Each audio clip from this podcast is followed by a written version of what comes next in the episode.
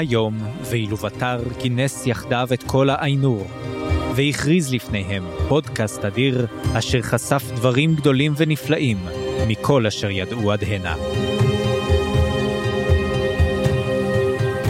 אתם מאזינים לסילמריליון קראתי עכשיו, הפודקאסט שבו אנו קוראים את הסילמריליון האגדי של טולקין, ולאחר מכן צופים בסדרה החדשה המבוססת עליו באמזון פריים.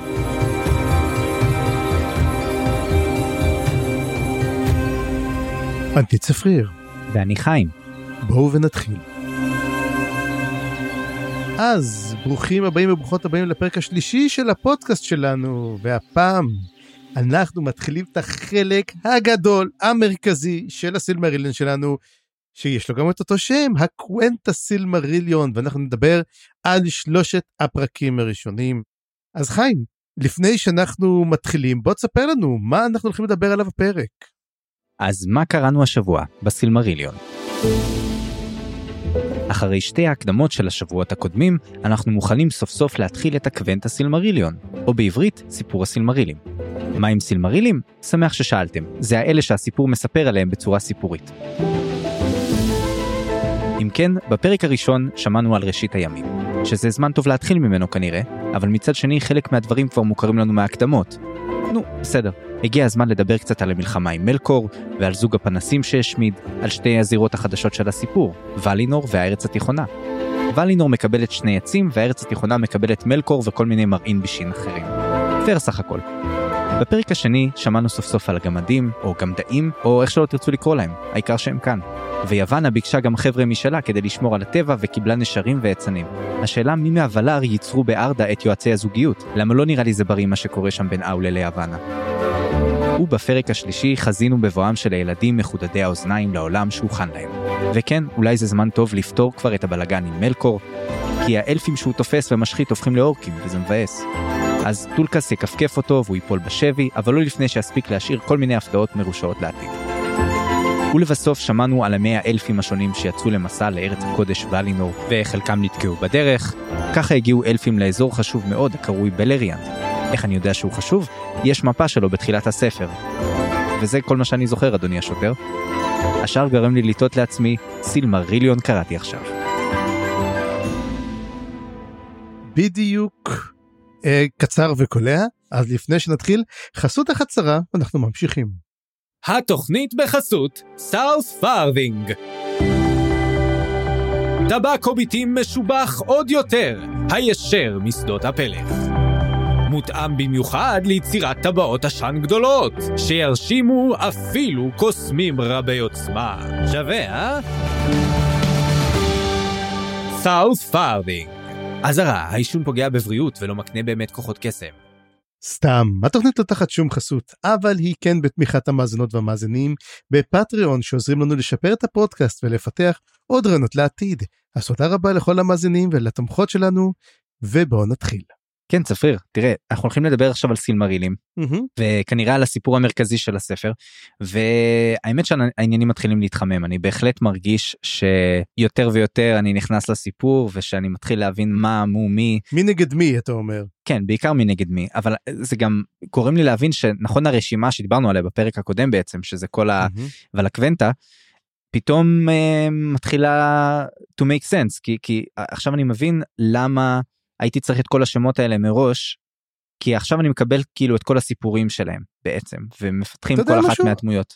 כן אבל אתה יודע זה, זה, זה נכון להתחיל ככה אבל סיפורית זה לא כזה נכון מכיוון שאנחנו כבר יודעים מראש מה כל אחד אנחנו לא לומדים יחד עם הדמויות את האלים את העולם זה לגמרי ספר אה, הייתי אומר אפילו ספר תיאולוגי קודם כל אתה יודע את הקטע את גבולות הגזרה שלך מי האלים מה התפקידים שלהם ואז אנחנו ממשיכים הלאה. אה, מה שכן אתה אני לא יודע אני לא קראתי מעולם את התיאוגניה של יוסיודוס אז אני לא זוכר ככה זה גם שם? אני לא אה, זוכר קראתי את זה ממש מזמן אבל לדעתי אחד מהמאזינים שלנו כתב לנו על זה אה, בפייסבוק אז אפשר לקרוא שם בקבוצה מה שהוא כתב אני חושב שהוא דיבר על זה על ההקשרים ביניהם. אבל אני כן חושב שזה מזכיר מאוד ספר תיאולוגיה אבל אני מרגיש שעכשיו שיש לי את הסיפורים ולא רק את הרשימת מכולת אני יכול יותר ל- לזכור מה כל אחד עושה מי אתה יודע זה גם הרי כשנותנים לך את כולם בבום אתה לא יודע באמת לעשות את ההבדלים ביניהם גם אם אומרים לך אותם. אבל עכשיו שאתה יודע מי השמות שחוזרים על עצמם יותר נגיד זה שיוון החוזרת יחסית הרבה זה לא משהו שהיה אפשר להבין נגיד מהרשימה שהייתה בוולקוונטה לפחות זה לא היה נראה ככה. כן אה, אם היא נגיד מקבילה של ארתמיס או משהו כזה במיתולוגיה היוונית אז היא לא אמורה להיות כזאת אה, חשובה כזאת מהותית בסיפור אבל עד עכשיו בפרקים לפחות בשלושת הפרקים הראשונים היא הייתה מאוד מרכזית. כן יש לה באמת נקודה. אה, ובאמת בוא נתחיל לדבר קודם כל פרק ראשון פרק א' על ראשית הימים. אז כאילו בהתחלה זה אמרתי רגע לא קראנו את זה כבר גם כן באיינולינדלה ולא קראנו את זה גם כן בוולאקוונטה לא עוד פעם על ראשית הימים. ובאמת ההתחלה מאוד מאוד עוד פעם חוזרים על אותו דבר. אבל דבר אחד מאוד מעניין אותי וזה טולקס. טולקס מדובר עליו דבר ראשון הוא לא מוזכר באיינולינדלה. אם אתה זוכר, הוא כביכול לא נזכר כאחד האיינור, הוא מוזכר רק כשהוא מגיע, ובאמת מסופר שהתחילה מלחמה, ואז טולקס ראה ואמר, וואלה, גם לי בא. ואז הוא נכנס, אז הוא היה חיצוני, הוא היה אחד מהאיינור, כי הרי כבר הבנו, אלוב יצר את הכל, אז מאיפה היה טולקס? הוא בעצם היה אחד מהאינור שאמר אני לא אהיה ולאר ואז פתאום אחרי שהוא ראה את זה מהצד אמר אתה יודע וואלה מגניב נראה לי שאני אעשה את זה כאילו יכול לקרות עוד מצב שעוד איינור יראו את העולם ויגידו וואלה בא לנו? כן זה באמת אה, נראה לי שזה המצב זה ההסבר היחיד שאני יכולתי לחשוב עליו שהוא באמת היה מהאיינור שלא נכנסו כן. לארדה אבל כן אז פה זו שאלה גם כן ממשיכה כי אתה יודע תמיד אני הולך על הקטע של מה האלים אתה יודע הרי אילוב אתה יצר את הכל וכל האלים מדובר על המחשבות וזה גם מוזכר דרך אגב נדבר על זה בפרק 3 על האלפים או האלפים כמו שעמנואל לוטם תרגם אותם אנחנו ברשותכם נקרא להם אלפים אנחנו קצת ילדים יותר מבוגרים ואנחנו ככה מכירים את השמות שלהם. ו... מדובר שלמעשה הם לא כל כך ידעו את המחשבה עד הסוף ולכן אפילו מדובר על הוא משורה אותם ואומר שכל דבר הוא ראה כפלא. אמ, לראות את זה וזה מאוד uh, מעניין כאילו גם לאלים יש גבולות. זאת אומרת האם טולקס מחליט לעשות משהו? האם זה משהו כאילו איך אני אגיד זה בתכנות שלו? או שאל יכול לשנות את מחשבתו או שאין לו את היכולת לעשות את זה. אני חושב שזה משהו מאוד מעניין שנדבר עליו בפרק 2 יותר לעומק אבל השאלה של היצורים שבעצם נוצרים פה כמה בעצם בחירה חופשית יש להם ואני מדובר בעיקר על האלפים ובני האדם אבל אם מסתכלים בעצם במקרו על אילוב אתר בעצמו אז אילוב אתר הוא יותר כמו זאת אומרת הגדולה שלו והכוח שלו נראה שהיא באמת בזה שהוא יוצר כאלה שיכולים לפעול בצורה עצמאית גם האיינור. אפילו עד כדי כך שלכאורה מלקור עושה דברים נגדו השאלה אם זה שמלקור עושה דברים נגדו הם חלק מהתוכנית הכללית של אילוב אתר או לא אבל עדיין זה מעניין האם האינור יש להם כוחות פעולה משל עצמם זה נראה mm-hmm. שכן. לפחות בכאן ובעכשיו אם לא בתוכנית הכללית כן. אז נראה לי שזאת הגדולה שלו שהוא יצר כאלה ש, שפועלים בפני עצמם ולא כמו שיכול להיות שהגמדים היו אמורים להיות בלי העזרה שלו יותר כמו מכונות מאוד מתוחכמות שאתה יוצר אבל בלי שאתה משגיח עליהן בלי שאתה מפעיל אותן אה, מפסיקות לפעול בעצם כשאתה לא שם לב אליהן. אז אני חושב שיש פה יותר אה, משהו אוטונומי. כן והנה עוד משהו אם אנחנו מדברים על היהדות שכנראה טולקין הושפע כי מה לעשות המיתולוגיה הגדולה ביותר אולי הקדומה ביותר שיש לנו ומדובר על האור ואתה יודע, תמיד יש את השאלה הזאת המתוחכמת שאומרת, הרי אלוהים ברא את השמש ואת הירח ביום הרביעי, אז איך היא ויהי ויהי בוקר? איך, ידנו, איך היה לנו אור ואיך היה לנו שמש? בארבעה הימים הראשונים שהיו. אז יש לנו פה תשובה, וזה משהו קטן שאני כל פעם קורא את הספר הזה, ואז אני אומר ככה לטולקין, או טרה אלגן, טרה אלגן, כי זה פשוט, הוא לוקח את מה שאנחנו מכירים או מה שהכניס אותם לשר הטבעות והוא נותן להם הסברים נורא לוגיים נורא אלגנטיים אמ, שאני רואה איך דרך אגב גנבו אותם כל עולמות הפנטזיה מאז ועד היום. כן גם לי זה קורה. ואז אני אומר אה אוקיי אני אסביר זה דומה לזה וזה דומה לזה אבל טולקין באמת נותן לך את ההסברים המעניינים האלו וכמובן הוא מתחיל לדבר שיצרו את העולם יצרו באמת את שני העמודים עם אורות עליהם, האור בצפון והאור בדרום, שזה קצת הזכיר לי קצת את האור הגנוז. על אותו אור שמדברים, אור התורה, אתה יודע, האור הקדמוני לא, הזה. וואי, אפשר להיכנס פה, במיוחד כשנכנסים לעניינים קבליים, אפשר להיכנס פה לאינסוף לא, הקבלות. תגיד לי, אה, לא הזכיר לך את שבירת הספירות, את שבירת הכלים. שבירת הכלים. נו, ברור, כן, כן, אפשר להיכנס לפה. וזה כל הקטע, אתה קורא את זה ואתה אומר, כן, אתה מרגיש פה את טולקין, שהוא לקח את זה, הוא ידע את זה, ברור שהוא ידע את הדבר הזה, הוא היה קצת, ידע קצת אה, קבלה, והוא לוקח בעצם את הדבר הזה, וזה מעניין, כי שים לב גם שהעולם שהם בוראים אותו בהתחלה אלים, הוא עולם סימטרי. זאת אומרת, אומרים, הימים והיבשות והכל נראים באחד, יש בפנים כמו מין אגם, ובאגם יש את אלמרן, שזה האי של האלים שמתגוררים בו, וכן, שבהתחלה זה בארץ התיכונה. זה בארץ התיכונה כמובן, ואז אחרי כל מה ש... כן, ואחר כך רק... אה, כן, כי הארץ התיכונה הייתה מין, אמ, הייתה ממש, אתה יודע, אמ, מסודרת, והכל, אתה יודע, כמו שמדברים על זה, מושלם והכל טוב, אבל תמיד ההסבר למה העולם לא מושלם, למה אנחנו יש לנו מפרצים וימים ואגמים ולא כל דבר מס- מסודר, הרי האלים ירצו, כן. ואתה יודע, ואתה מרגיש כבר שיש את כל ההסברים שכבר טולקין נותן לך אותם תוך כדי. אני לא צריך לשאול את השאלות, הוא נותן לי את זה. נכון.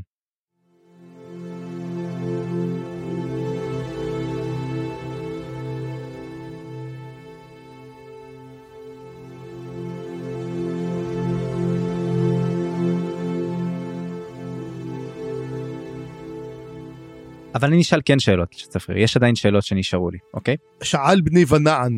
בכל זאת, מאוד מאוד באמת יפה העניין הזה של השבירה גם, כי נגיד אם נ- נקביל את זה לשבירה התנכית, היא קורית בעקבות מעשיהם של בני האדם, אה, שזה בעצם חטא האדם הקדמון, ואז זה שהוא נאלץ אה, לצאת מגן העדן. וגם פה יש מין משהו כזה, רק שפה האלים הם אלה שחוטאים לכאורה, או, או מתחילים בבלגנים, וגם האלים הם אלה שיוצאים מהגן עדן לכאורה ונאלצים לבנות לעצמם גן עדן מחדש.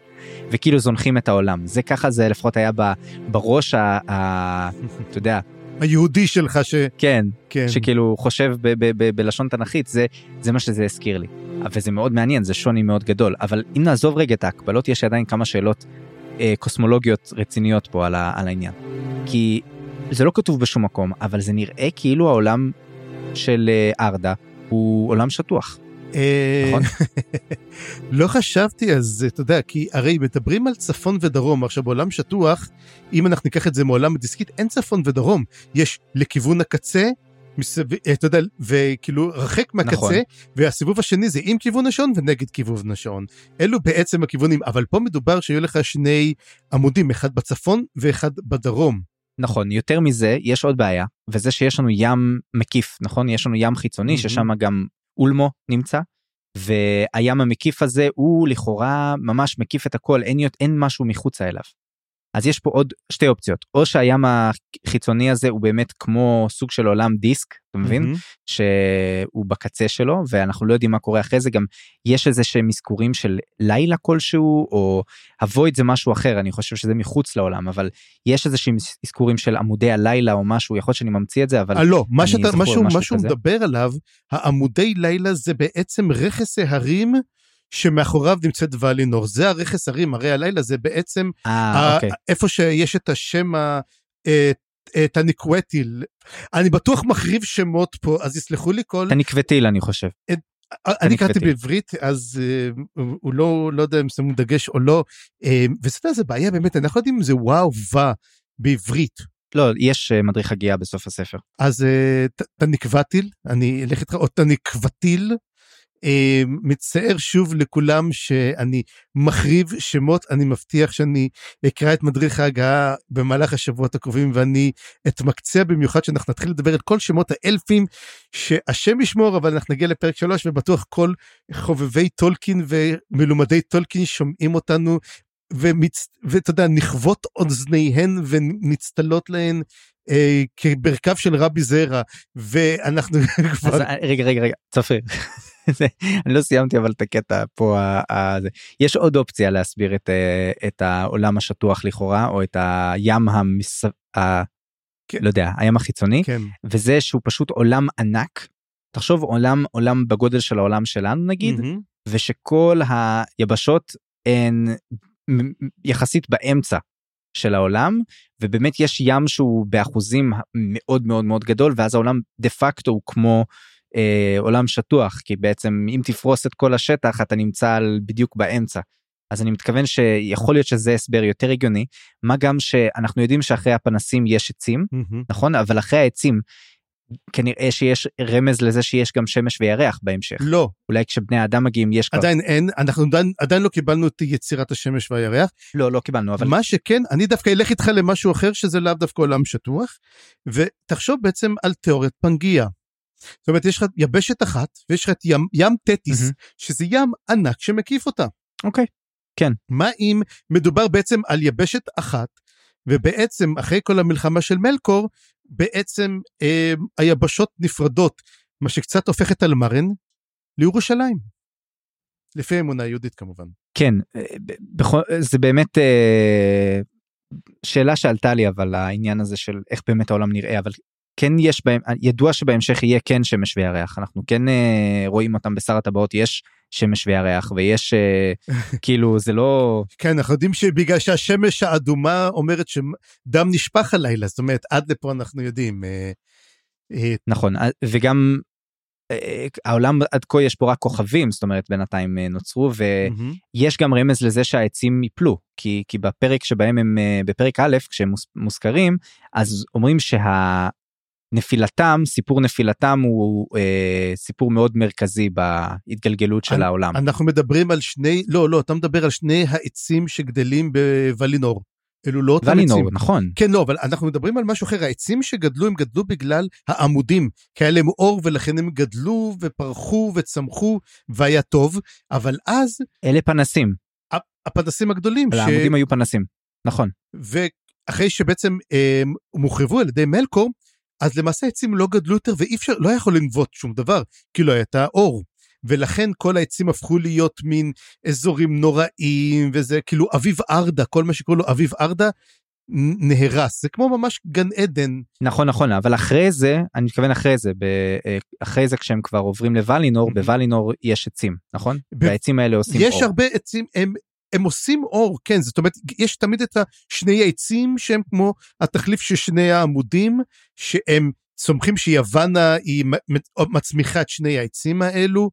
אז זהו העצים האלה מה שאני מתכוון ברגע שהם נופלים ופה יש רמז שהם מתישהו ייפלו כשמסופר עליהם אומרים שהסיפור נפילתם היה סיפור מאוד מרכזי או משהו כזה כן. אז אני אומר לעצמי מתי שהם ייפלו כנראה שזה יהיה אה, קרוב יותר ל, לעניין אה, של השמש והירח או שזה לא קשור בהכרח אבל אני, אני אגיד אבל עוד משהו צפריר. מהמם.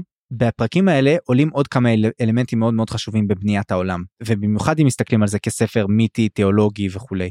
וזה העניין של סוף הימים כן שיש פה חלק מהמיתוס זה גם העניין של סוף הימים הרגנרוק שאנחנו מחכים לו, כן, לגמרי. ב- בדיוק וקץ הימים הוא מאוד מעניין משתי בחינות. דבר ראשון זה בכל ההיבט הזה של העולם הבא כן? כשהאלפים מתים למשל והולכים להיכלות מנדוס ואחר כך יש דיבור עם גם הגמדים הולכים להיכלות מנדוס ומה יקרה לבני האדם. ואז מדברים מזכירים גם את המנגינות שהיו באנו לינדלה כן? שהיו כמה מנגינות.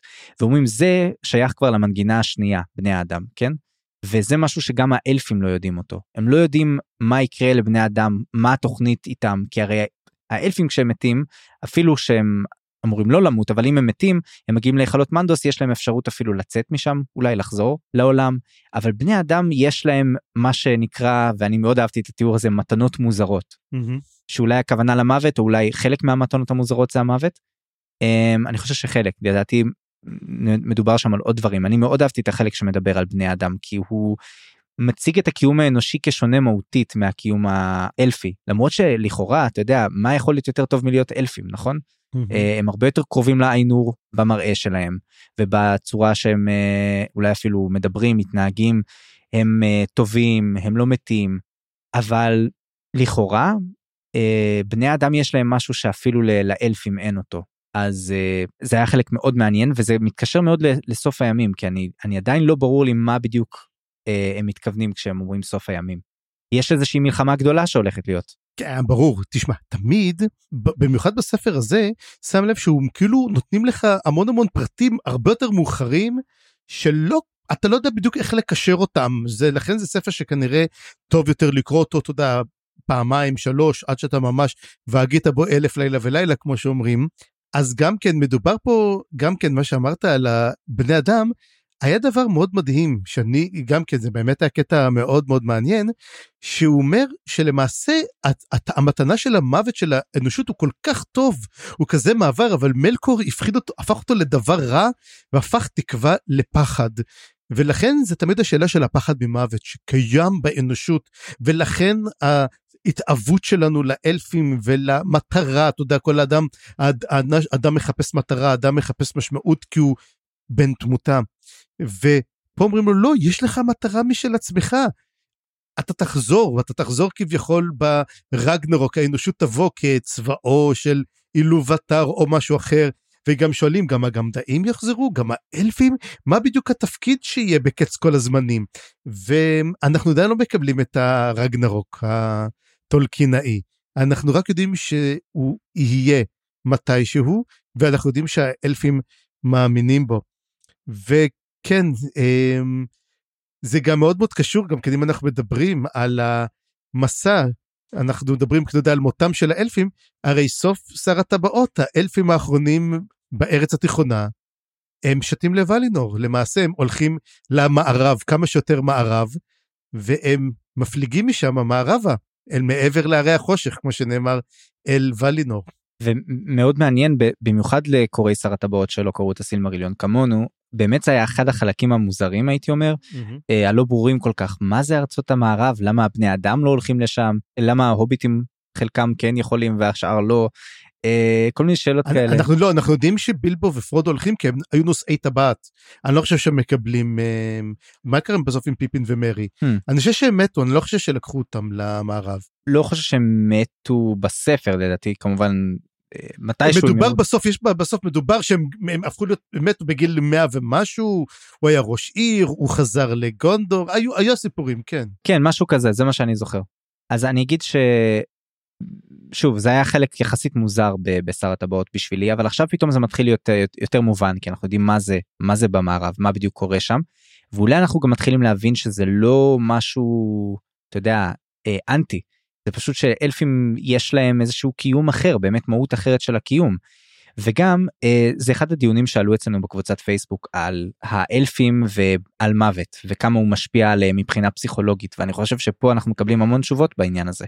שיש משהו מאוד עצוב ונוגה באלפים וחלק מזה זה באמת שהם חיים לעד ודווקא זה מוסיף ליופי שלהם לכאורה אבל אתה יודע זה כאילו זה גם נשמע מפה שיכול מאוד להיות שחלקם לא רוצים להמשיך לחיות כל כך הרבה זמן mm-hmm. וזה מעמיד באור שונה לגמרי החלטות כמו שאנחנו רואים נגיד את ארווין שהיא בוחרת אה, בעצם חיי מוות בשביל להיות עם אראגורן mm-hmm. אז אז אני אומר יש פה קצת uh, יותר אור מאשר שהיה בהקדמות של הספר וזה מאוד מאוד מוסיף. עדיין לא הבנתי למה היא צריכה לבחור בחיי מוות כדי להיות עם אראגורן. דוגרי? אם היא לא הולכת uh, אם היא לא תלך היא לא עוזבת איתם כביכול עם האלפים. היא יכלה לחכות להגיע אחר כך לא אני מבין שאולי נקבל תשובות פה אני לא, לא, לא באמת קיבלתי תשובה טובה. זה היה יותר מדי, אתה יודע, מין יותר מדי כזה, מין over the top כזה, לא, אה, אתה יודע, הקרבה, כי צריך כל אחד לעשות הקרבה. גם עשו את הקרבה הזאת הרבה יותר בספר, בסרטים מאשר בספרים. הרי בס... אה, מן הסתם, מן הסתם. מן הסתם. כן, בספרים זה פחות played, אה, כמו אה, עניין אה, הוליוודי כזה, ברור. רק אני רוצה רק לומר שזה יחסית מה שמסכם לי פה את הפרק הראשון אמהמ. שהיה המון עיסוק בבנייה של העולם אתה יודע החלוקה לפנסים אה, תקופות ארוכות מאוד שאתה מקבל עליהם כאילו לא הרבה טקסט mm-hmm. אבל כאילו עברו ככה הם חיו הרבה שנים וככה היה עידן שלם. אז היה את החלק של הפנסים היה את החלק של העצים ובעצם גם עם העצים מקבלים את תחילת ספירת הזמנים נכון כן. אז השאלה שאם מדברים על העידנים. כי אני יודע שמדובר על זה שהעידן השלישי זה העידן של שר הטבעות mm-hmm. שבו מתרחש שר הטבעות. כן. אז uh, האם אפשר לומר שזה מתחיל העידן הראשון עם העצים? לא ברור לי אני לא יודע את התשובה לשאלה הזאת אבל יכול להיות. אה, אני מאמין שכן לי, לי נראה באמת שכן אתה יודע כי היינו בפרה-היסטוריה ועכשיו אנחנו נכנסים לספירת הזמן זאת אומרת אביב ארדה היה באמת פרה-היסטורי לפני תחילת העידנים. אה, מאוד מזכיר המון המון ספרים אחרים שפנטזיה שמדברים על התקופ... מלחמות האלים לפני שהעולם נוצר. אה, כן. נתקלתי בזה. עוד דבר אחד קצת נחמד שרציתי להביא באחד מהערות שלי כתבתי אנחנו מדברים על אורומה שהוא אחרי שאתה יודע נפלה בעצם אה, ארדה ובעצם הארץ התיכונה נפלה והאלים מסתתרים בוולינור מקימים אותה יותר יפה מאלמרן אבל למעשה רק מנווה וורדה יושבים למעלה על ההרים, ומסת... על ההרים ומסתכלים ואור מאוד יוצא עוד וצד לסוס שלו קוראים נהר. נכון. עכשיו נהר אומרים שהוא סוס בוהק וזה אה, נהר זה יום בערבית אז זה מאוד הזכיר לי את הדבר הזה שגם כן מעניין האם גם כן הוא הכניס בכוונה מוטיבים גם כן אה, ערביים שם מעניין. נהר זה גם בעברית נהרה זה אור, קרן אור. נכון. כן. אמ, ואני אומר לעצמי גם שכן זה גם אה, לי הזכיר גם מגניב אותי סתם אני לא אתה אולי יודע מה מה עושים בענייני תרגום כאלה ש, שבמקרה זה נשמע כמו מילה בעברית ואז אתה הרי בלוטם השאיר את זה כמו נהר אתה מבין? ואתה קורא את זה ואתה לא יודע אם זה תרגום של המילה אם, אם תרגמו את השם או שזה נשאר במקורי זו שאלה מעניינת. אני הייתי מוסיף אלפים ואז היו אומרים אה, אוקיי אה, כן וחוץ מזה גם כי כל פעם שמופיע סוס הייתי מקבל יותר כסף. או. כי משלמים פר תו. אז הנה כבר פתרתי את הבעיה פעמיים. מדהים מדהים אה, טוב ששאלתי אותך. אגב זה באמת מעניין שגם אורומה ואחותו יוונה. הרי הם אחים. אז uh, הם היחידים שבאמת יוצאים מוולינור בשביל לשמור על איזשהו קשר עם הארץ התיכונה וגם הם, הם אלה שמתריעים בפני מלקור וכל הדברים שהוא עושה mm-hmm. למרות שגם uh, יש לאולמו עניין שם כי אולמו הוא נמצא במים והוא נמצא מחוץ להכל הוא גם לא חי בוולינור הוא כאילו הוא כזה הזאב הבודד של החבורה הייתי אומר של הוולר וגם אולמו יש שם אמירה נחמדה מאוד לגביו בפרק הזה שהוא כאילו יישאר שם גם אחרי קץ הימים זאת אומרת עד קץ הימים אפשר לסמוך עליו כאילו לכאורה הוא הוא הוולר שמצד אחד לא משחק את משחקי האלים אולי הוא לא נמצא ממש פעיל בפנתיאון אבל הוא מאוד מאוד אה, עושה את העבודה כאילו הייתי אומר הוא, הוא, הוא, הוא זה שיודע מה קורה גם מתחת לשטח גם כשיש כל מיני השחתות של מלקור הוא עדיין נמצא אפילו מתחת לזה. Mm-hmm. אז אז אני מאוד אהבתי את התיאור הזה של אה, אולמו.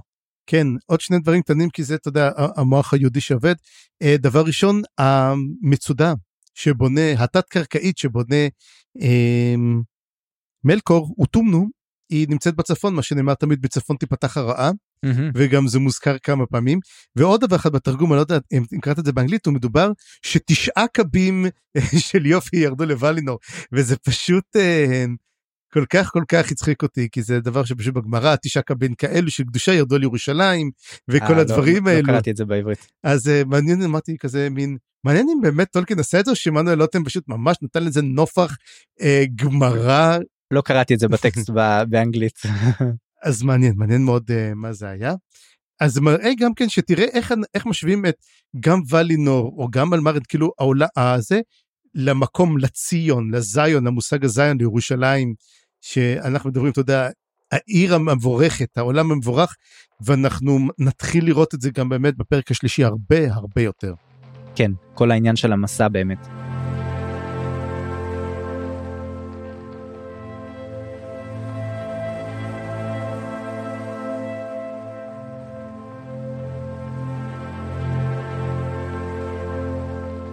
בוא, בוא נדבר באמת על פרק ב' רגע, והעניין הזה של יוונה ואאולה, כי הם באמת המרכז של הפרק הזה. ושם בעצם אנחנו סוף סוף נתקלים בגמדים או גמדאים וזה באמת מעניין כי אני חיכיתי להם כי אני יכול להיות שזה ה... דיברת על זה גם בפרק הקודם שאלת אותי בדיוק את זה בפרק הקודם. נכון וזה זה, זה הגזע האהוב עליי צפריר זה לא סתם אני מאוד מאוד אוהב את הגמדים. באמת? כן וואו. כן.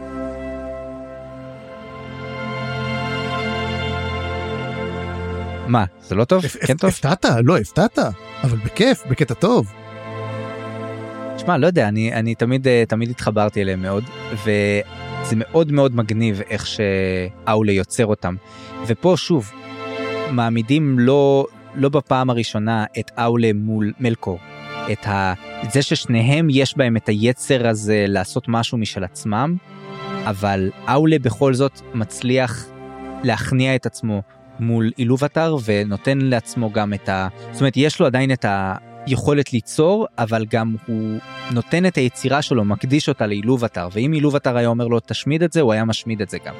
אז זה בעצם ההבדל בינו לבין מלקור, אבל זה שהוא מצליח ליצור אותם, וזה שהם אפילו מקבלים מקום חשוב, זה מאוד מעניין, וגם הקלאש בינו לבין יוונה היה ממש מגניב. הוא מגלה ליוונה שזאת אשתו, מגלה לה על היצירה הזאת שלו, והיא אומרת לו, רגע, אבל הם הולכים להרוס את, את הדברים שאני אוהבת, את הדברים שאני עושה. ופה באמת אה, היא מדברת עם מנווה, ומנווה אומר לה, ומה נראה לך בני האדם והאלפים יעשו, הם יעשו את אותו דבר.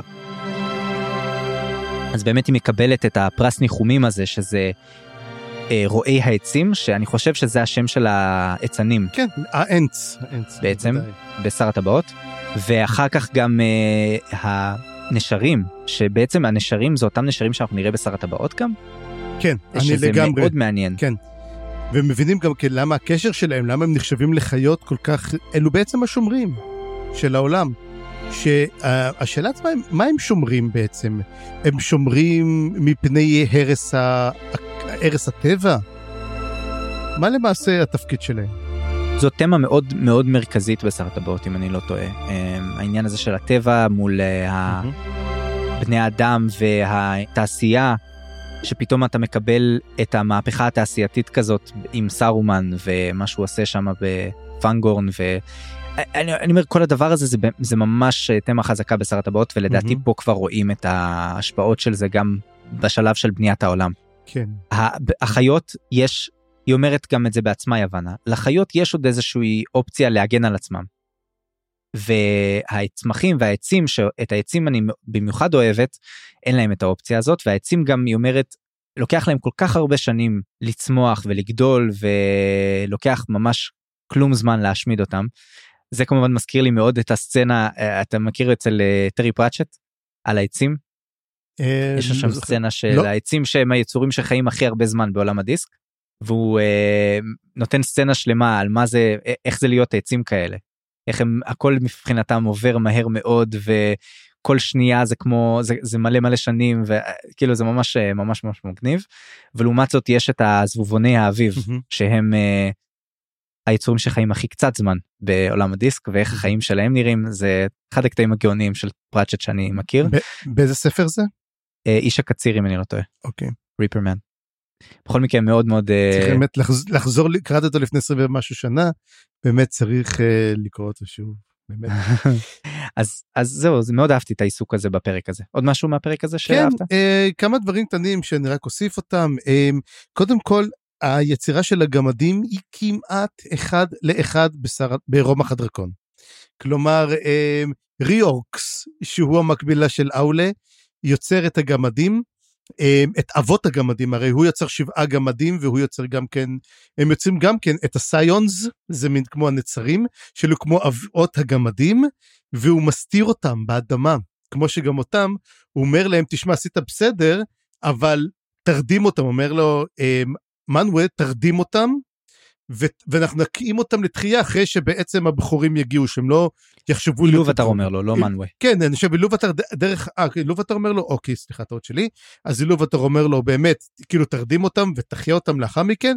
וזה באמת מה שקורה גם עם הגמדים. הגמדים יש להם תפקיד מאוד מעניין ברומח הדרקון מכיוון שהם לא נוצרו כילדי האלים המקוריים לכן אה, אסור להם לנסוע בזמן כי הם מסוגלים אשכרה לשנות את רצף הזמן זאת אומרת הם קיימים קצת מחוץ לבריאה הם כמו מין משהו מעוות כזה קצת אה, נתון בקסם הכאוס. אז זהו נראה שפה גם זה בסגנון הזה ואז דווקא ההתערבות של אילוב אתר שהוא אומר אבל אני נתתי להם את המשהו האקסטרה הזה ואגב זה היה קטע מגניב שזה שאיך שהם נוצרים איך, ש... איך שאאולה יוצר אותם אילוב אתר מיד אומר וואלה זה מגניב אהבתי mm-hmm. ונותן להם את השפה וכאילו השפה היא, ה, היא, ה, היא המתנה הראשונית של אילובטר mm-hmm. וזה גם גורם לי לחשוב אבל שזה כל כך uh, מעניין שטולקין uh, נותן את לאל שלו לאל האחד הגדול שלו את הכוח של השפות כי זה כנראה מה ש...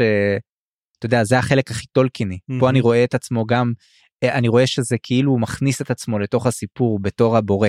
אגב וזה מאוד מגניב. הש, ואני... השם של השם של האלפים הקוונדי מה הוא? הדוברים, האלו שיודעים לדבר. אז גם כן, תמיד mm-hmm. כמה שפה מאוד מאוד חשובה לו.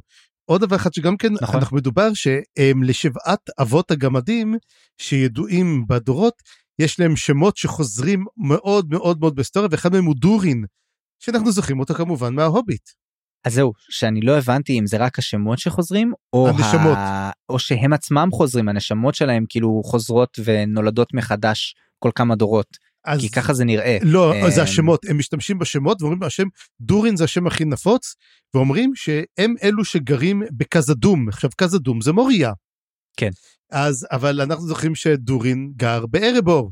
אז קצת היה לי כזה מין, אמרתי, אוקיי, מעניין, יכול להיות שדורין הגיע מהאזור של קזדום ממוריה, אמ, אבל סתם, אתה יודע, זה מן הדברים הקטנים האלו שאמרתי, היי, הנה אני מכיר אני מכיר אני מכיר, זה הקריצות הקטנות האלו אה, פה. כן. היה את הקטע הזה פה גם כן, שרואים שאת מערכת היחסים, אני חושב, של טולקין עם אשתו. כי זה מערכת יחסים מאוד מאוד דומה של זוג שהרבה זמן, שאחרי שהיא חוזרת ואומרת, הנה, יש לי גם את העיתים וגם יש לי את רועי העצים, אז הוא אומרת, הנה, עכשיו uh, הכל שמור. אז הוא עדיין אומר, בכל מקרה הם יקחו את העצים, זה לא כאילו, כאילו, ת, ת, תגידי מה שאת חושבת, אבל הם בכל מקרה יקחו את העצים, תוך כדי שהוא שופך מתכת ויוצר דברים מהדברים שלו, אתה יודע, כנפח הגדול מנפייסוס כן. כזה. אז, uh, וחוץ מזה גם כן, אני יותר אוהב את הפרקים הקצרים האלו, אתה יודע, זה פרק יותר קצר כזה, אה, יותר כזה מודק, כן. אני אוהב את הפרקים הקצרים, הפרקים הקודמים, אני זוכר את הפרק על זה, קראתי אותו. אה, טוב, אוקיי, גמרתי, אוקיי, זה, זה כבד לי מדי. הפרק השני היה כזה מין קליל, אבל עכשיו אנחנו נאלצים אה, ללכת לפרק השלישי, ואני חושב אולי הכי מעניין שהיה לנו השבוע. כן יכול להיות אבל לפני זה נעשה הפסקת פרסומות קצרצרה ומיד לאחר מכן נחזור ונדבר על הפרק השלישי על בוא האלפים ושבי מלקור. מה כבר ביקשתי? בית קטן עם גינה במיקום מרכזי ורחוק מההורים? עם קהילה מכילה ומעורבת, וכמובן גם תשתיות ומגורים מותאמי גודל להוביטים? אה, וגישה לצירי מסחר מרכזיים גם. אלו ממש לא דרישות מוגזמות, אבל אולי לא צריך לחפש כל כך רחוק. בואו לגור איתנו בברי, קהילה חמה ומכילה, רק תשעה ימי הליכה מהפלך. נותרו בתים אחרונים בשכונת ההוביטים החדשה, אז אל תהססו, בואו לביקור. ברי, מקום שמתאים לכולם. כן צפריר אז בוא בוא דבר איתי על הפרק השלישי. מה היה לך כל כך מעניין בפרק השלישי? אז קודם כל אה, הכל קורה זאת אומרת סוף סוף יש לנו אקשן אה, מתחילה המלחמה הגדולה מלחמת האלים השנייה לא הראשונה השנייה. תזכור הראשונה הייתה עוד לפני שארדה was fully formed כמו שנאמר ופה בוא נגיד שכבר אה, מלקור מתחיל להתחמש, הוא יוצר את אנגבנד, שם את סאורון עליה, מה שמראה שסאורון היה איתו ממש ממש מההתחלה, אתה יודע, כזה מין בחור שנמצא איתו שמה. ו... כן, סאורון היה מייר, אז מה, מה היה? אז אמרנו שהוא ירד עם המייר. כן, אבל, ו... אני, אני, אני, חשבתי, אני חשבתי יותר שהוא יבגוד בהם בתקופה הרבה יותר מאוחרת, לא יודע למה, אתה יודע, חשבתי, אתה יודע, יקרה איזה מקרה, ואז סאורון יבגוד בהם, שייתן לו קצת יותר, אתה יודע, יותר סיבה לשנוא, לא, כנראה הוא כבר די מההתחלה היה איתו, אז זה מעניין. ואז, אתה יודע, הם רואים שם את כל הארדה שכבר, את כל ארץ התיכונה שכבר הופכת להיות כבר ארץ אופל. ואז אומרים, טוב, יאללה, יוצאים למלחמה, ופשוט אה, תופסים את מלקור. וזה... אה, מה... לא סתם, עושים לו suplex, אה, מפילים אותו על, הריצ... על, הפ... על הפרצוף. טולקס, יותר נכון, עושה לו... טולקס עושה לו... ו... עושה לו ויהפוך בו, כן. כן, זה, זה קטע מגניב, לא ידעתי שאלים אה, עוסקים בהתאבקות חופשית, אבל אה, אמהמ. מגניב. כן, ואז אה, הם תופסים את מלקור, אבל לא הורגים אותו כמובן, תופסים אותו, לוקחים אותו ל... לוולינור, עושים לו משפט, ובאמת אה, פעם ראשונה שאולמו מגיע, דרך אגב, לאותה טבעת גורל, לטבעת הזהב שיש להם שם מחוץ לעיר. זהו, טבעת הגורל, בעברית טבעת הגורל, באנגלית זה The Ring of Doom. אוקיי. ודום זו כאילו מיל, מילה מאוד uh, טעונה, אבל, אבל לכאורה היא משמשת פה למשהו הרבה יותר uh, או הרבה פחות הרסני הייתי אומר. כן, טבעת הגורל בעברית, שזה יותר, okay. אוקיי. נשמע יותר טוב עבורי. אה, אז אה, כל הכבוד דוקטור עמנואל לוטם. והם אה, שם שופטים אותו ומחליטים לקלוא אותו לשלושה עידנים. זאת אומרת שאם אנחנו אמרנו שזה העידן הראשון, אז הוא אמור לצאת בעידן הרביעי. מה שאומר ש... נכון? זאת אומרת, אני... ואז אז כאילו הם שומרים אותו לקרב האחרון של הסוף הימים? זה העניין? הוא מין פנריר כזה כנראה. אתה יודע משתחרר מכבליו ואז יצטרכו להילחם כנגדו. אה, לכאורה אילובאתר אמור לשפוט אותו אבל אה, אם הוא ישפוט אותו בסוף ויהיה בעצם את הקרב הגדול whatever זה כאילו הם יודעים שזה לא יודע זה קצת מוזר לא? לשמור את ה את ה big baddie לסוף כי אתה יודע שבסוף יהיה קרב גדול. אם הם יכלו להשמיד אותו פה. אתה יודע משהו? אולי זה חלק מהתוכנית האלוהית. כן אבל אתה יודע משהו זה שאתה אמרת שאילוב אתה צריך לשפוט אותו נורא נורא עוד פעם אתה יודע אני חוזר ליהדות כי אין מה לעשות אנחנו מגיעים משם זה כמו שיצר שכמו שהשם ישפוט את היצר הרע. אומרים שבסוף הימים כשבוא המשיח אתה יודע אלוהים ישפוט את יצר הרע אז האם מלקור הוא יצר הרע למעשה הוא הסיטרא אחרא? זה לא אותו דבר צפרי אתה מערבב פה כמה דברים זה נכון אבל יש איזשהו יש איזה משהו אבל יש פה איזושהי אגדה או מדרש על זה שיצר הרע הוא כאילו אחד ה... אחד מעבדה אחד מעבדיו הכי טובים של האל כי הוא בעצם עושה את כל מה שהוא צריך לעשות הוא כן. התפקיד שלו זה לנסות להשחית אנשים והוא עושה את העבודה שלו כמו שצריך. כן אה, עבד, יודע, עבד כמו- נאמן כמו שנאמר בגלל זה תמיד אני אמרתי למה צריך לשפוט אותו דוגרי כאילו. זה צריך לקבל עובד מצטיין הוא כמו קראולי כן. שמקבל עובד מצטיין על זה שהוא עושה כל מיני משחית כל מיני אנשים משפיט להם את הטלפונים אה, גורם להם לזה בש- בבשורות טובות כן אז אה, לדעתי זה רעיון טוב. בכל מקרה מלקור עושה את מה שמלקור אמור לעשות הוא, הוא גם המנגינה שלו לכאורה כלולה בתוך המנגינה של אילוב אתר. אז אה, אני לא יודע מה יש פה כל כך לשפוט אותו לא שאלה טובה. אה, אתה יודע הוא צריך רע בשביל הרע זה, יודע, זה קצת for the evils אה, כל הקטע של מלקור קצת. אתה יודע אבל הוא נכנס לתוהו וזה ונהרס שם.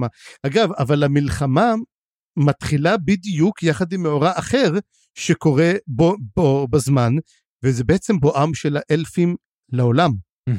עכשיו, האלפים מגיעים כאשר אה, ורדה למעשה מסתכלת מההר והיא רואה את הארץ התיכונה שחורה, למרות שיש יש את הכוכבים שם, והיא יוצרת כוכבים, היא יוצרת אה, פלנטות, זאת אומרת, ככל הנראה פלנטות, או, או שמשות או כוכבים, לך תדע. כוכבים כי מד- מדובר על אה, קבוצות כוכבים היא עושה מסדרת אותם בקבוצות ואז זה ממש כוכבים אני חושב. במכוניהן, כמו שנאמר, והיא. כן. יוצרת את הקבוצות כוכבים, ולמעשה האלפים שמתעוררים רואים את הכוכבים ואוהבים אותם. בגלל זה הם תמיד אוהבים את ורדה, וורדה זאת האלה, והם קוראים לה אלברeth, והם מאוד אוהבים אותה, וזה תמיד מה שהם זוכרים זה הכוכבים, שאתה יודע, מין זיכרון גנטי כזה, שהם נולדו ולא היה עדיין שמש, רק היו כוכבים. כן זה כמו המעשה זה בעצם הסוג של הפרומטאוס אתה יודע זה מהמם. כמו כמו לתת את האש אבל במקום לתת אש נותנת כוכבים.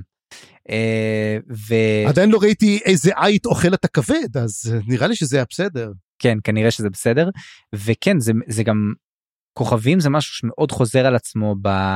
לפחות שירה האלפית אני לא ממש. בקיא בשפה האלפית אבל נכון יש גם את אה, כוכב זורח על פגישתנו בוודאי, בוודאי. אה, אלן סילה או מנטיאלבו משהו כזה יכול להיות שאני שחטתי את זה אבל זה באמת ה... כאילו מאוד מאוד מרכזי בתרבות האלפית לפחות ככה זה נראה. נכון. ואז למעשה אנחנו נתקלים הם, עושה, אתה יודע, את הרכיבות שלו במיל... פטרולים. כן, עושה את הפטרולים, והוא נתקל במקרה ב... בכל הסיפור ש... ב... באלפים. והוא נורא מופתע מזה, אתה יודע, וואו, רגע, אנחנו חיכינו להם, אבל לא באמת בדקנו איפה הם, אז מגיע לעמק שבו הם נולדו, ונוצרו, פשוט התעוררו, אומרים שפשוט התעוררו, הם כנראה היו שם והתעוררו, על אף שאומרים שמלקור ידע כל הזמן, ואומרים שמלקור, וזה מה שהיה מעניין, וזה, אה, אומרים שמלקור ידע שהאלפים נולדו, והוא ידע גם שאורומה יבוא לבדוק מה קורה, ולכן הוא שלח את כוחותיו כפרשים רכובים שהיו עושים להם טרור. וזה למעשה ההסבר שלו ל Wild Hunt.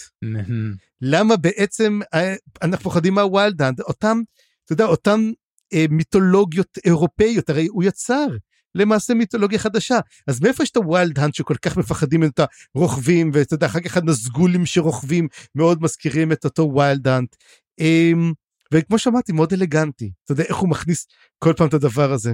תחשוב שאתה איכר ב- במקום אירופאי בימי הביניים אה, לראות בן אדם על סוס זה בטח נורא מעורר יראה. זה בטח בן אדם חשוב אה, אנשים פשוטים לא רכבו על סוסים וגם סוסים זה לא היה משהו כל כך נפוץ כמו שחושבים אה, לאנשים פשוטים לא היו סוסים היו אתה יודע מקסימום חמור או שור או משהו כזה פרד ככל היותר. כן או פרד וזה שיש לבן אדם סוס זה אומר שהוא כבר uh, במקום אחר ובדרך כלל זה או חייל או אציל או משהו כזה. אתה מפחד כאילו ולדעתי זה מקום מאוד מעניין הפחד הזה אבל גם זה אחד מהמקומות בפרק הזה שמתואר את ההשחתה של מלקור שהוא משחית משהו רעיון של אילובטר שהוא משחית אותו. אז פה זה הרעיון זה הדבר הראשון והדבר השני שהיה מאוד מעניין זה בהקשר של התמותה אה, של בני האדם שהוא השחית אותה. שבני האדם יש להם את המתנה המוזרה של המוות נכון אבל אילובטר התכוון לזה בתור מתנה יש בזה משהו מאוד מאוד מדהים אבל מלקור השחית את זה לכדי פחד ועיבוד תקווה. כן עכשיו בקשר לאלפים אנחנו אומרים גם הוא השחית גם את האלפים. הרי אותם אלפים שהוא תפס אותם שיצאו מהעמק והוא תפס אותם אומרים שהוא לקח אותם בעצם לאוטומנו והוא הפך אותם לאורקים וככה למעשה האורקים נוצרו עכשיו. אני קראתי איפשהו יתקנו אותי המאזינים שלמעשה זה לא מה שהתכוון אליו טולקין, אלא זה משהו שכתב אותו כריסטופר טולקין. ולמעשה טולקין לא אהב את זה, הוא לא אהב את הנושא הזה שלוקחים את האלפים שהוא חושב אותם לטהורים, ואמר שאפשר להשחית אותם. וזה לא היה לפי דעתו. אני קראתי את זה בש... אני לא זוכר, אה, אני זוכר עכשיו, אה, האזנתי לאיזה פודקאסט עם גם איזה מומחה לטולקין או whatever, שדיבר על זה שיש כמה מקורות שונים. ויכול להיות שהיו לזה כמה טיוטות אתה יודע יכול להיות שטולקין התכוון לכתוב אה, uh, JRR אני מתכוון שהוא התכוון uh, לכ... שהיו לו כמה אופציות בעצם או, או שהוא התפחבש עם השאלה הזאת והיה לו כמה אופציות שהוא חשב עליהן ובסוף הוא לא החליט לא הכריע לפה ולשם ופה הגיע כריסטופר וכן הכריע בשאלה הזאת כן. או לפחות השתמש בטקסט שכן. Um, מעניין. תשמע אני חושב דווקא שההסבר הוא טוב. אני חושב שהסבר הוא נהדר. Um, הוא מסביר לנו מאיפה מגיעים האורקים, למה הם כל כך שונאים אותם, גם כן אומרים שזה הנת, הנת, המסע הנתעב ביותר של לובטר, אתה יודע, הוא לא יצר משהו מאפס כמו אאולה שיצר את הגמדאים, אלא הוא לקח ועיוות משהו קיים, שלא לפי רצונו של לובטר, וזה בעצם הדבר uh, שהוא הכי שונא.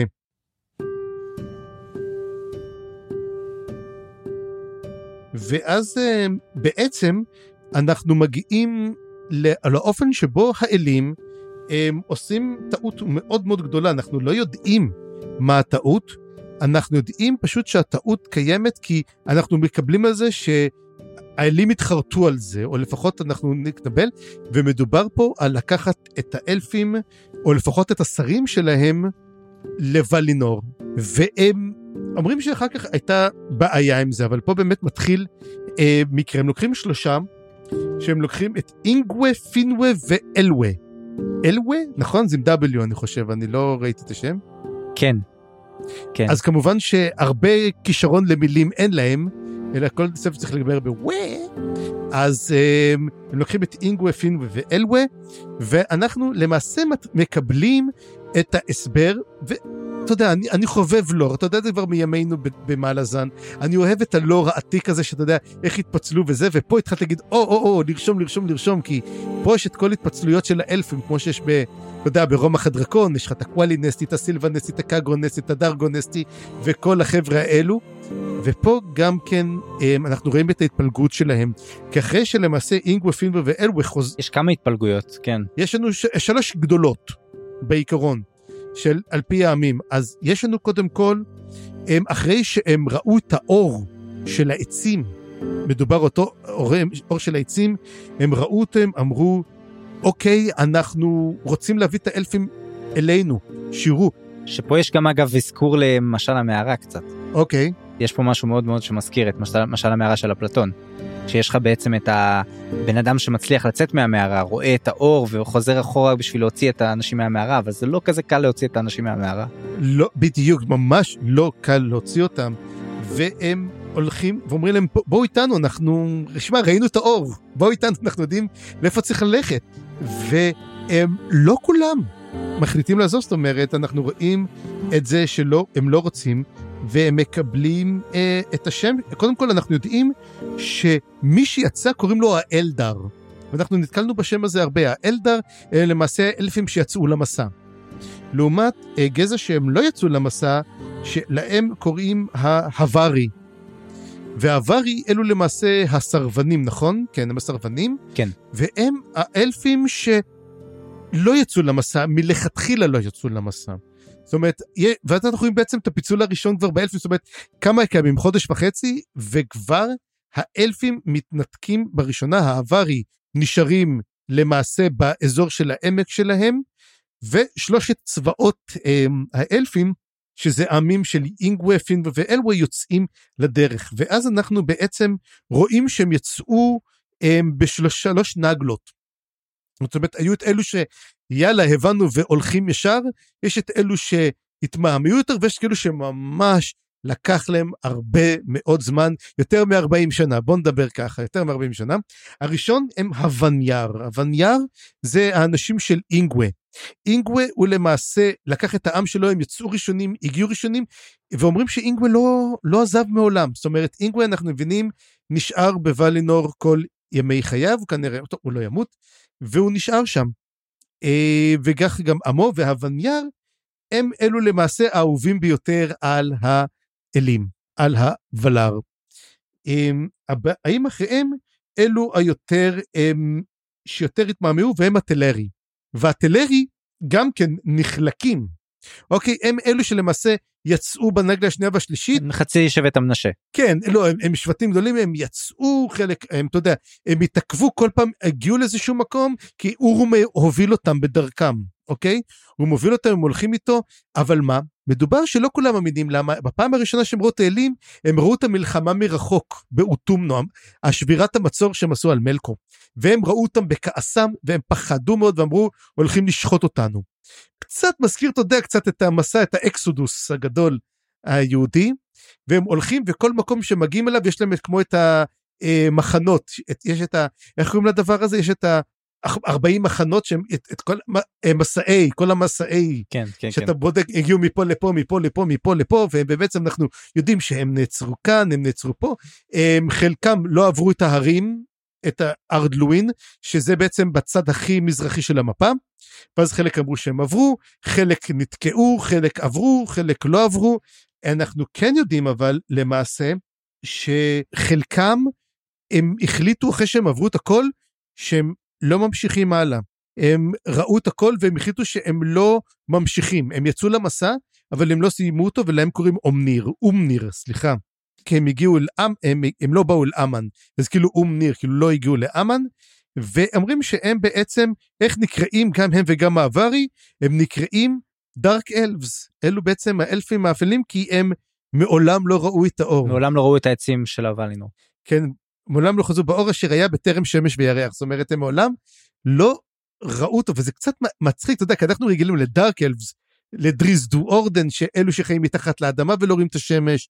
ברומח הדרקון יש לנו כמובן את uh, האלפים ההם שזונחים את המסורת, הם למעשה אלפים רגילים, אלה הם אלפים, אתה יודע, ממש שחורים כמו בממלכות הנשכחות. אבל פה מדובר שהם לא ראו את האור של ולינור. אתה יודע, זה יותר כמו המוארים יותר מאשר האלפים החשוכים. אתה יודע, לא אלפי אפלה, אלא חשוכים לעומת מוארים. כן, וזה באמת אה, הבדל מעניין, וגם אני, אני אגיד לך את האמת, הפרק הזה היה מצד אחד מאוד מעניין, ובאמת התחלנו כבר לספר על האלפים וכל הדברים האלה, אבל מצד שני שוב זה רשימות, ושוב מלא שמות שאנחנו לא מכירים, וזה שוב זורק אותך למים העמוקים, ואני אומר לעצמי, וואי, אני מקווה שזה שווה את זה, אני מקווה שבהמשך יהיה באמת, אה, אנחנו נתמקד בזה, ונכון, אפשר גם לעשות את המשחקי פאזל האלה ולראות רגע זה בעצם העם שאחר כך ממנו יצאו זה וזה וזה וזה ממנו יצאו זה וזה וזה אבל א' אני לא יודע כמה מזה יהיה בתוך הסיפור שבאמת אנחנו אולי נקבל את זה ו- וחבל לשבור על זה את הראש וב' אמ, אני עדיין קצת מבולבל מהדברים הכי בסיסיים כאילו צפריר הבלריאנד הזה זה ישר אחרי האמן או זה בתוך ולינור זה לא בתוך ולינור לא לא לא אני, בל... אני אוקיי. לא מבין בלריאנד ואני אתן עכשיו את ההסבר שלי והוא כנראה שגוי לחלוטין. אבל אם אתה זוכר את המפה של שר הטבעות, המפה בצד הכי מערבי שלה זה אה, ממלכת אריאדור, נכון? והיא נסגרת נכון. עם ארד לווין, אלו הערים. בלריאן זה כל הממלכות ממערב לה. הבנתי, אוקיי. זה הממלכה שממערב בעצם לאריאדור. גם מדובר שם שהם חוצים את אריאדור, ואז הם מגיעים לסיריון, אותו נהר, שדרך אגב הוא מקור שמו של אל ברומח הדרקון, אל האש. אמ, גם כן, זה כיף לראות את כל הנקודות הקטנות שמגיעות משם. ואז אמ, באמת אנחנו מסיימים את זה ש... הם מגיעים לים ואז אורים בעצם לא יודע מה לעשות איתם כי הם מפחדים וזה ים ענק ואיך הם יעברו אותו והוא אומר טוב אני יוצא להתייעצויות והם מתפזרים לכל עבר ומדובר על ואז יש סיפור אחד קטן על לנווה שלנווה הוא אחד מאולווה אלווה סליחה אחד מאלו של אלווה שהוא היה המזדנב זה שבקושי רצה ללכת ואז הוא בעצם לקח את האלפים והם קראו להם הננדור. אה אגב עוד דבר שכחתי, הנולדור מוזכרים, הם היו השני, הם החבר'ה של פינווה. פינווה, כן. יש לו, הוא בעצם למעשה החרשים, והם הנולדור, אם אנחנו דיברנו מי הם הנולדור, זה העם השני שיש שם גם כן. הם, לא כל כך קיבלנו שמות עליהם. כן, וזה היה העם שקרוב, הכי קרוב לאאולה. כן. אה, מהאלפים, שהם גם הם מאוד בקטע של אה, ליצור דברים, ו... אתה יודע אם בהמשך אולי נדבר על טבעות הכוח אני כאילו זורק אה, את עצמנו קדימה קדימה קדימה אבל יכול להיות שזה קשור לנולדור כי הם בעצם אלה שיוצרים כל מיני דברים והם גם כאילו הצד הסקולר של האלפים. הצד שאוהב ללמוד ואוהב אה, אה, להתעמק בדברים וכתוב אני חושב שהם העם של האלפים שהכי חקר את העולם שידע דברים אפילו יותר מהאלפים של ולינור. יכול להיות. אה, לא זוכר את הכל בעל פה. ואז מה שקורה לנו הולך ובעצם עוזב אה, והוא לוקח אה, את הננדור שהננדור הם אלפים שמאוד אוהבים את הטבע אתה יודע כמו כמו הקגונסטי שזה אלפי יערות אתה יודע אלו שמסתובבים ביערות ואוהבים את החיות ואתה יודע יודעים כל אה, כל אתה יודע נחל מה שמו ומאיפה הוא מגיע וזה היה מאוד מאוד אה, יפה. אז אתה יודע מה צפיר? Mm? עכשיו מה שאתה אומר גורם לי לחשוב שהם מאוד מזכירים את יוון. אז יכול מאוד להיות שהמוטיב שה, הזה של יוונה ואאולה שהם הרבה יותר מחוברים לארץ התיכונה מחלחל גם לאישיות הזאת של האלפים mm-hmm. או למה שמחלק אותם ב, ל, לעמים השונים שיש גם את האלפים שמאוד מחוברים לעולם הפיזי לחיות לטבע לעצים לצמחים ו, ו, וזה בעצם מה שמבדיל ביניהם לבין האלפים שכאילו מתנתקים מהעולם הזה. אתה מבין מה שאני mm-hmm. מתכוון? יש פה גם אלמנט דואליסטי כזה של עולם הזה עולם הבא אולי. אה, כן זה מה שזה מזכיר לי לא, לפחות. לא לגמרי אז אותו מדובר על לנו אז עכשיו למה זה כזה חשוב סתם כי לנו נעצר עוד לפני ערד לואין הוא נעצר ממש לפני הערים אבל אומרים שאז קם אחד הם, אה, הבן שלו שקוראים לו דנטור ולוקח אותה מערבה אל בלריאנד עכשיו דנטור זה לא היה העוצר של גונדור?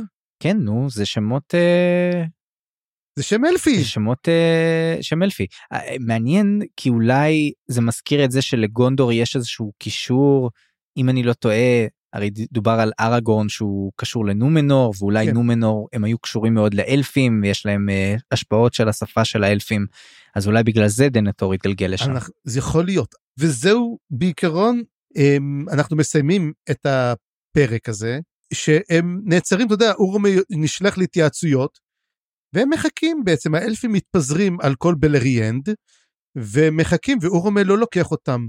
ולמעשה הטלרי והנולדור מחכים, אולי גם כן הווניאר, גם כן מחכים להם עדיין, שיעבירו אותם הלאה. עכשיו, דבר אחד אחרון שבאמת יש לי להגיד, שהנדידה הזאתי, היא מאוד מאוד מאוד מאוד מאוד כמובן אתה יודע כל הרי כל העולמות של הרומח הדרכון ומלאכות השכחות מאוד מובלים וזה מאוד מזכיר את הנסיגה האלפית לאברמיט.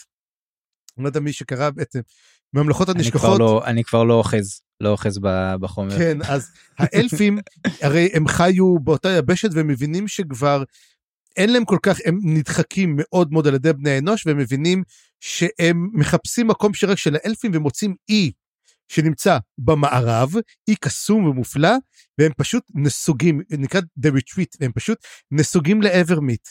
ואתה יודע, וכמו שאנחנו רואים את האלפים עוזבים, ואתה, ואתה רואה, למעשה אין חדש תחת השמש, ורובם באמת חיכו את טולקין בדרך כזאת או אחרת. אה, בהתחלה כנראה לגרום לאנשים להרגיש משהו דומה, אבל אה, וואלה, הם גנבו כל כך הרבה.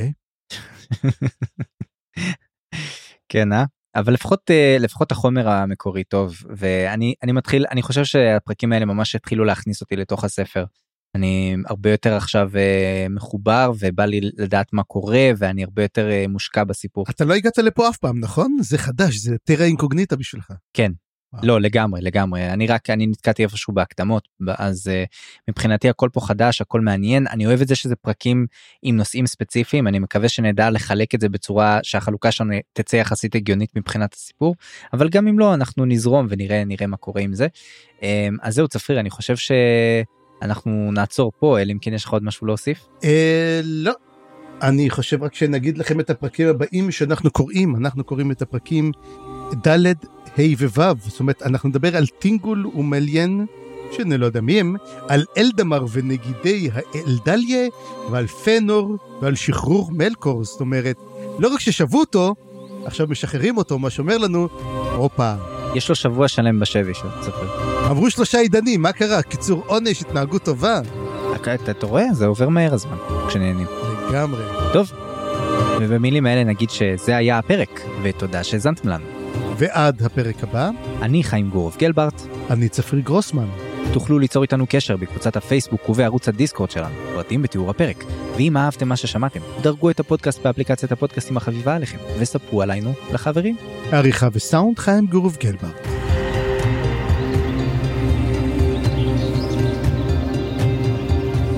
אז קם מלובטר, נשא את ידיו, ובתצליל יחיד, עמוק מני תהום, גבוה מנשחקים, חדלה המנגינה.